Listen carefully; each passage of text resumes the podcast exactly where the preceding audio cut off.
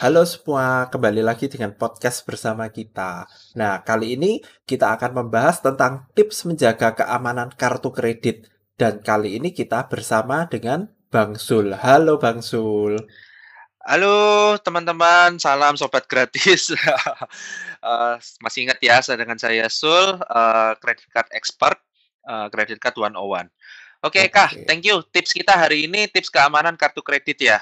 Uh, ya. ya, kita masuk di zaman digital yang mana semuanya serba online, serba uh, internet, serba cepat.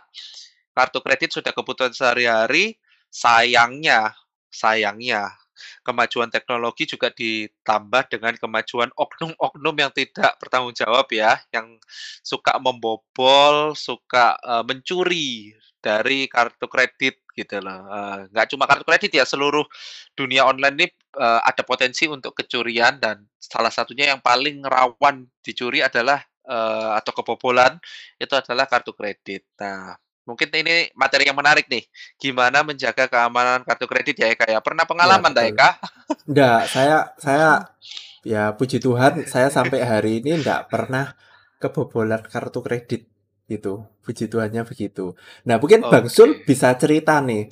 Mungkin kira-kira nih ya penyebab orang bisa kebobolan kartu kredit itu kayak gimana? Mungkin kalau Bang Sul punya pengalaman juga boleh di-sharing ini nih, Bang Sul. Oh, Oke oke, Kak. Uh, saya sharing sedikit ya. Jadi, uh, kartu kredit, pasti tahu ya wujudnya teman-teman kartu kredit di depan itu ada apa? Nah, di depan itu ada nomor kartu kreditnya, biasanya ada 16 digit angkanya.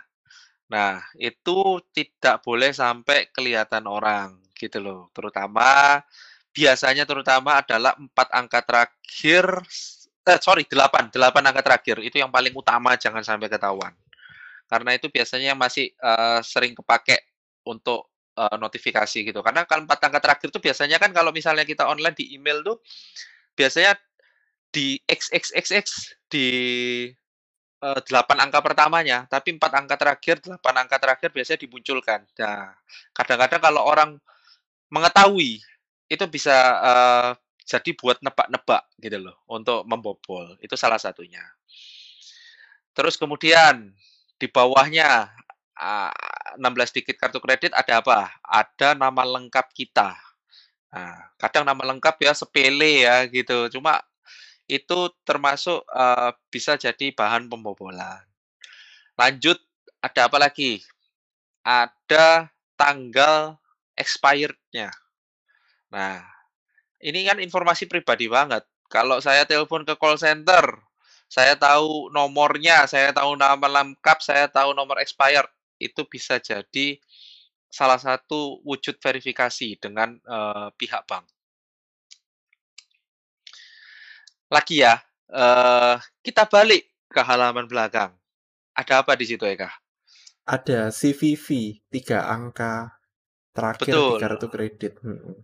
Betul, ada biasanya ada enam angka sampai tiga angka di belakang. Nah, terutama yang tiga angka terakhir itu namanya CVV, security-nya. Atau uh, eh, OVV ya kadang-kadang ya bilangnya CVV sih yang paling umum. CVV. Nah, itu pa paling krusial. Jangan jangan jangan jangan sekali lagi jangan pernah diberikan kepada siapa pun. Karena itu bisa menyebabkan Anda kebobolan gitu. Hmm. Lalu jangan lupa ditandatangani ya kartu kreditnya di belakang gitu. Uh, kalau ditandatangani ini sebetulnya uh, ini ya plus minus. Plusnya adalah kalau kita ditandatangani kita bisa kalau misalnya di restoran atau di mana gitu bisa berikan kepada pengguna uh, waiter nanti waiternya akan datang terus tanda tangan gitu saja. Tapi sekarang sih sudah harus pin ya Iya, sudah nggak boleh lagi tuh sign, ha, sudah nggak boleh lagi sign lagi, ha. Hmm. Kalau dulu tuh harus tanda tanda, tanda tangan, nanti tinggal petugas waiternya akan mencocok atau cashiernya akan mencocokkan antara tanda tangan kita di struk dengan tanda tangan di belakang kartu kredit. Ya itu hmm. untuk supaya kita privilege aja sih, nggak perlu ke kasir gitu loh, waiternya yang nganterin kan. Betul. Uh, hmm. Tapi ternyata semakin perjalanan itu menyebabkan potensi kebobolan karena tanda tangan kita akan difoto bisa dipalsukan. gitu. Betul, betul. Nah, terus ada lagi nomor handphone. Nah, sebelum masuk ke nomor OTP ya, nomor handphone. Itu juga jangan pernah di-share-share. Sekarang ini handphone nggak kayak dulu ya Eka ya. Orang tuh bisa gonta-ganti nomor handphone saat PDW semaunya sendiri setiap hari ganti nomor pun bebas. Kalau Betul. sekarang Kominfo ini uh, membatasi kita untuk uh, telekomunikasi ya, uh, untuk membatasi kita untuk maksimum kalau nggak salah per KTP tiga deh, Iya, tiga nomor betul deh. betul, tiga tiga nomor. Uh, ini sebetulnya dalam kalau dalam dunia di lapangan retail mungkin kadang ah repot deh pemerintah ini ngeributin tapi kalau secara security ini sebetulnya bagus banget loh ya karena itu men-tracking bahwa orang-orang ini cuma punya nomor ini ini saja gitu loh. Nah, kenapa nomor-nomor ini itu uh, dibatasin? Karena itu nanti berconnected dengan kartu kredit dan kartu uh, rekening ATM kita gitu loh. Bayangkan kalau misalnya tahu dia nomor telepon kita dan kita telepon call center, saya kehilangan kartu kredit saya gitu loh dan minta diganti nomor yang baru, nomor saya sekarang yang ini karena HP saya hilang. Diganti bisa loh Eka itu seperti itu. Gitu. Jadi uh, jangan sampai ya, uh, karena kan nomor nomor pribadi kita itu penting banget karena di situ juga yang masuk OTP-nya kita.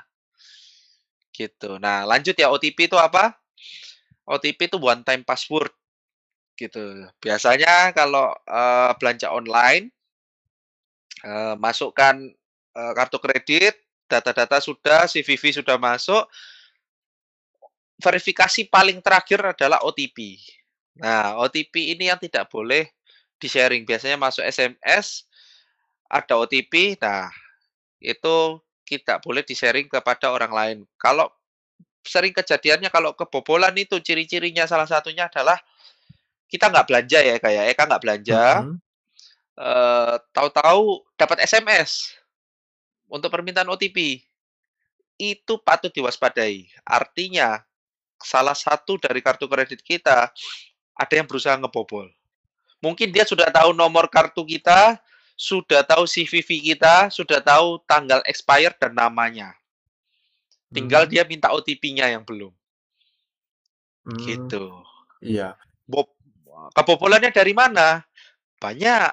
Ya bisa jadi seperti yang saya sebutkan tadi, kadang kita terlalu percaya dengan cashier, dengan waiter. Mungkin saya nggak menyebutkan mengeneralisir semuanya seperti itu, tapi ini oknum ya. Bisa jadi di foto, disebar ke online atau ke mana pun. Bisa jadi juga uh, kita serahkan uh, kepada apa namanya sales kartu kredit yang kurang terpercaya gitu saat kita mau apply kartu kredit yang lain kita fotokan kartu kredit yang uh, sebagai referensi ternyata uh, mereka salah gunakan. Nah, laki-laki ini oknum. Jadi ya memang harus hati-hati. Carilah yang terpercaya. Oke, oke. Nah, saya ini tiba-tiba ini baru ingat Bang Sul. Ini dari pengalaman yang pernah dialami oleh teman saya dan ada papa saya juga pernah. Jadi kita itu pernah nih dapat email ya, dapat email ya toh katakan dari perusahaan Apple atau Amazon atau apa. Intinya dia itu bilang kita tuh barusan belanja senilai misalnya seribu dolar gitu ya. Hmm. Nah terus kalau misalnya kita tidak merasa belanja ini, dia ada linknya. Kamu klik di sini. Nah Hmm. ketika link itu diklik, teman-teman tahu nggak? Kita justru masukin data kartu kredit. 16 Yes. digit nomor, expired atas nama, CVV. Ya toh, sama dimintai OTP katanya untuk verifikasi. Padahal itu kalau misalnya kita masukkan, ya kan, maka akan terdebet ke saldo kartu kredit kita, teman-teman. Betul, Gitu. betul. Nah, ini kalau ini sekali lagi ya, ini kan oknum ya, oknum tertentu. Hmm. Nah, bisa jadi ya teman-teman ya, mungkin kartu kreditnya teman-teman ini pernah dicatat nomornya depan dan belakang. Mungkin di foto atau apa gitu. Dan, dan kalau Betul. kalau saya pribadi ya teman-teman ya, saya selalu setiap kartu kredit atau debit saya bagian CVV-nya itu saya tutup. Jadi saya saya kayak saya plester warna hitam gitu ya. Jadi kalau plester itu sampai rusak atau kebuka, kartu itu langsung saya blokir, saya minta yang baru. seandainya itu rusak kayak gitu. Oke, sekarang kita lanjut lagi. Ayo, gimana Bang Zul? Bisa, bisa Eka. Itu salah satu tips trik yang uh, bisa di-share ya untuk teman-teman yang cukup telaten itu. Itu sangat bagus sih Eka. Uh, nah, uh, yang tadi Eka sharing itu namanya teknik phishing ya, kalau nggak salah ya. Namanya phishing. Jadi berusaha mengkelabui kita seolah-olah kita belanja di sini kalau nggak mau kita klik sini, nanti kita masukkan data-data dan sebetulnya kita masukkan data-data sama mereka itu, mereka save Eka. Next time mereka belanja menggunakan data-data yang kita input. Betul. Namanya phishing gitu. Nah, biasanya untuk menghindari ini nomor satu adalah kalau kita berarti ini ini ya uh, kalau kita kebobolan kayak gitu ya mungkin uh, sambil saya cerita deh uh, kalau kita kebobolan gitu loh uh, itu salah satunya pertama kita adalah cek dulu kartu kredit kita tagihan kita uh, sekarang sudah digital udah enak sebelum cetak tagihan buka aplikasinya langsung cek transaksi terakhir kalau memang benar-benar ter terdebet pada tanggal segitu akan muncul di situ kok. Kalau nggak muncul berarti itu bullshit. Nah, nomor dua ya kita telepon lah call centernya. Telepon, tanya langsung, benarkah ada transaksi terakhir sekian? Kalau memang benar tercatat, ya ini sambil sharing ya uh, dengan pengalaman pribadi saya. Saya itu uh, pernahkah kebobolan kartu kredit waktu itu early 2020 kalau nggak salah, awal pandemi. Kecil untungnya ya Kak, hilangnya cuma sekitar 100, habis itu 200-300 ribuan. Jadi dua kali kasusnya. Waktu itu uh, via salah satu tra uh, eh, aplikasi travel perjalanan, Traveloka. Nah, nggak nyangka ya. Nah, Traveloka waktu itu uh, saya ada pemakaian seratus ribu untuk beli pulsa via Traveloka. Nah, itu pertamanya seratus ribu saya terdetek ada pembelian dari Medan. Sejujur seumur umur mereka, saya ini travel belum pernah travel ke Medan. Jadi ini sudah pasti kasus. Tapi waktu itu saya belum sadar ya, yang waktu pertama. Mungkin dia tes ya, tes dulu transaksi kecil, nggak ketahuan. Next week-nya, dia transaksi lagi senilai 200 atau 300 ribuan, saya agak lupa. Beli pulsa lagi. Nah, setelah itu saya langsung sadar, nah ini agak agak trouble gini loh. Langsung saya telepon ke kartu kreditnya dulu pertama ke B, waktu itu saya BCA yang kena. Jadi telepon ke banknya, verifikasi benarkah ini transaksi Anda. Kalau bukan transaksi Anda, langsung klaim bahwa ini bukan transaksi saya. Bank akan follow up kok. Berusaha untuk ngeblokir, berusaha untuk nge-refund. Ini keuntungannya kartu kredit ya, Kalau transfer, kita salah transfer, nggak bisa bank itu akan mengembalikan transfernya kita. Kita kena penipuan nih, belanja online, transfer, minta sama bank dikembalikan, itu tidak bisa. Tapi kalau kartu kredit, eh, bank ini memiliki proteksi gitu untuk bisa merefund dana kita. Selama dalam ketentuan berapa hari ya setelah kejadian gitu. Nah, lanjut lagi ya ke kasus Traveloka tadi. Karena ini kejadiannya di Traveloka, saya harus koordinasi nggak cuma ke BCA, saya harus ke Traveloka juga. Jadi dua arah waktu itu, paralel. Cukup ruwet sih, cukup tektokannya cukup panjang ya. Memang namanya masalah ya, kita nggak pernah tahu musibah terjadi. Tapi namanya musibah ya harus dihadapi. Ya memang agak ribet-ribet, tapi ya kita harus melawan itu supaya dananya kembali. Kalau kita pasrah ya akan hilang. Ternyata kebocoran datanya itu adalah tambah jauh lagi ya kak. Ini kalau kamu mau tahu seru banget deh. Gimana, Saya pikir dari toko maksud? dari Tokopedia. Jadi, ternyata dari Facebook Eka. Bocor pertamanya dari Facebook. Jadi saya Facebook itu bisa login ke Traveloka. Dari Traveloka dipakai untuk uh, kartu kredit saya karena kartu kredit saya saya daftarkan di Traveloka. Jadi beruntun gitu loh. Luar biasa nggak? Dan Facebook saya itu sudah tidak aktif sejak tahun 2014 saya sudah nggak pernah mainan Facebook. Jadi itu saya sudah lama nggak pernah saya pakai. Passwordnya dulu simple banget memang. Mungkin ya itu kebobolan. Dari situ kebobolan connected dengan Traveloka saya Traveloka saya connected dengan kartu kredit saya, akhirnya terpakai. Nah, hmm. untungnya setelah saya berhasil connect saya uh, perbarui data di Facebook saya, saya perbarui data di Traveloka saya, terus kemudian uh, saya juga follow up dengan call center, customer service, akhirnya dananya bisa kembali uh, dan sudah terblokir. Jadi saya sekarang kalau sekarang kan sudah lebih canggih ya kayak ya. sekarang tuh meskipun connected ada namanya fasilitas two factor authentication gitu loh. Oh, Jadi ya, kalau betul, login betul. login benar-benar di device lain sekarang sudah harus minta izin kita. Nah, sialnya Facebook saya yang sudah bertahun-tahun nggak pernah saya pakai itu belum saya setting two factor authentication. Jadi teman-teman hati-hati yang punya email lama, punya sosmed lama, punya apa pun itu yang lama nggak dipakai tapi pernah buat hati-hati hati-hati perbarui datanya oh ya mungkin gitu. mungkin lebih lebih ke gini ya mungkin ya bang Sul ya jadi hmm. kalau misalnya teman-teman login kayak di e-commerce ya intinya yang e-commerce hmm. gitu ya teman-teman ya mungkin kalau bisa sih jangan pakai sosial media kayak gitu mungkin betul, ya betul betul itu salah satunya atau salah... jangan dikonekti tekan itu bisa ya, atau yang kalau yang mau lebih ekstrim lagi kak mm-hmm. kartu kreditnya jangan di jangan di save di di save di aplikasi di tersebut. Memang oh, agak ya. ribet ya. Memang agak ribet setiap kita belanja harus input satu-satu-satu gitu. Tapi lebih safe. Iya, ya, mungkin ya, sama pilihan, pilihan. sama sama mungkin gini ya, saya barusan ingat juga. Kalau kartu kreditnya teman-teman ada yang kebobolan, ya kan?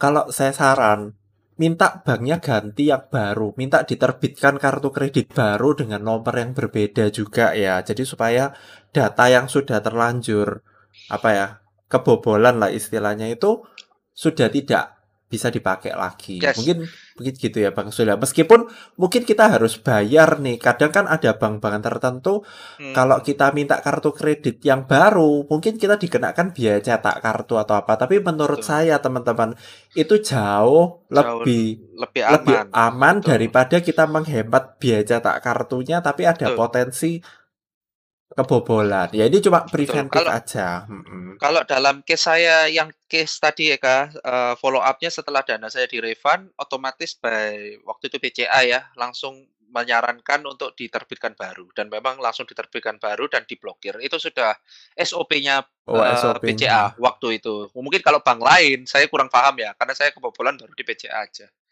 Oke Gitu. oke, siap siap siap. Terus apalagi nih Zul, mungkin tipsnya buat teman-teman untuk menjaga keamanan kartu kreditnya teman-teman? Ya memang sebetulnya hampir sama dengan uh, keamanan digital-digital yang lain ya. Yang pasti password harus bervariatif, rutin-rutin ganti PIN, terus kemudian uh, tidak pernah sharing apa pun secara digital terutama karena jejak digital itu sangat sulit dihilangkan. Ya, terus kemudian ya simpan benar-benar rahasia keamanan kita. Karena yang bisa menjaga itu ya cuma kita sendiri. Bahkan petugas bank pun tidak bisa membuka kalau uh, atas bukan atas persetujuan kita gitu loh. Jadi memang ribet ya Eka ya. Memang ribet. Suatu yang ribet itu memang akan membawakan manfaat yang lebih banyak.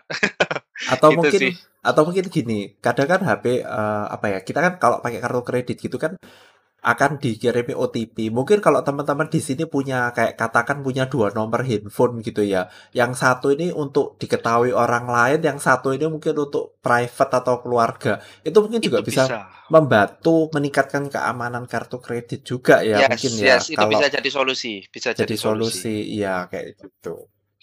Dan kalau misalnya teman-teman merasa ada transaksi mencurigakan atau kartunya hilang, ayo langsung lapor. Ya kadang kan ada yang as nanti aja ditunda dulu ya kan?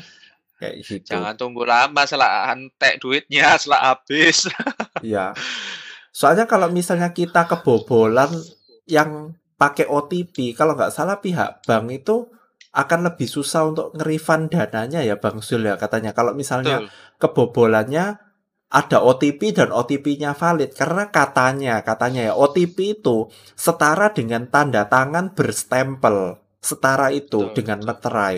Jadi kalau Artinya, misalnya transaksi uh, itu di jalan gitu, uh, Heeh. Uh, betul ya. Tanda kutipnya itu seperti bank itu sudah melakukan sesuai SOP-nya mereka dan SOP. mereka menganggap transaksi ini dilakukan oleh customer secara sadar dan tidak dipaksakan oleh siapa pun. Itu sih. Ya, oke. Okay. Uh, dari sisi banknya ya, gitu loh. Makanya jadi teman-teman harus jaga itu. Oke. Oke, teman-teman, semoga tips-tips dari kami ini bisa membantu teman-teman di dalam menjaga keamanan kartu kredit. Betul ya, Bang Zul ya? Yes, yes. Oke. Okay. Good luck ya teman-teman. Semoga uh, selamat berkarir di dunia kartu kredit, tambah terus portofolionya supaya bisa semakin cuan, sobat gratis, kumpulkan poin dan miles ya. Oke, teman-teman. Sampai di sini dulu podcast kita kali ini. Tapi jangan lupa kita ada episode-episode selanjutnya, teman-teman. Oke, sampai jumpa. Dadah.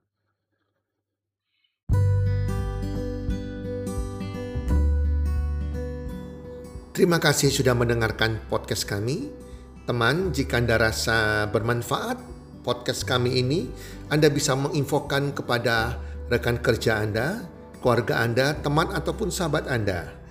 Dan jika ada hal-hal yang Anda ingin tanyakan kepada kami ataupun topik-topik apa yang Anda ingin kami bawakan, kami sampaikan, Anda bisa DM kami di Instagram kami healthcommunity id.